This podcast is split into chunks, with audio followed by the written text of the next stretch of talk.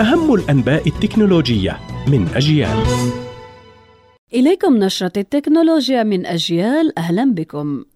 شركة نوكيا تستعد للكشف عن هاتف أندرويد جديد مميز بمواصفاته وكاميرته. يأتي نوكيا G 310 الجديد بهيكل مقاوم للرطوبة والغبار والشاشة محمية بزجاج مضاد للصدمات والخدوش. يمتاز بقدرات تصوير ممتازة بفضل كاميرته الأساسية ثلاثية العدسات. وهذا الهاتف يعمل بنظام أندرويد 13 ومعالج من كوالكوم وبطارية بسعة 5000 ملي أمبير تعمل مع شاحن سريع. أما شركة أبل تبدأ بإنتاج هاتف آيفون 15 في ولاية بالهند في محاولة من الشركة لزيادة أعداد أجهزة آيفون الجديدة القادمة من الهند بهدف تقليل مخاطر قطع سلاسل التوريد لأهم منتجاتها بسبب التوترات بين واشنطن وبكين.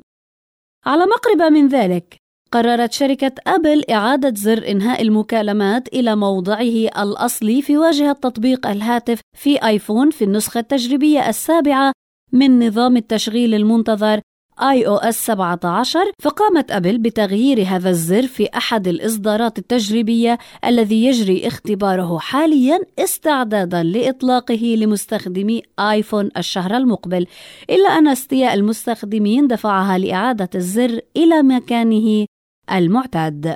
وشركة ديل تطلق شاشة مكتبية جديدة بمقياس 23 بوصة وثمانية أعشار تمتاز بتحولها إلى جهاز لوحي ذي شاشة تعمل باللمس. وتعتبر هذه الشاشة مثالية للاستخدام في بيئات البيع بالتجزئة أو المستودعات فضلا عن المنازل والمكاتب وتعمل على حاسوب محمول خارجي أو حاسوب مكتبي للعمل.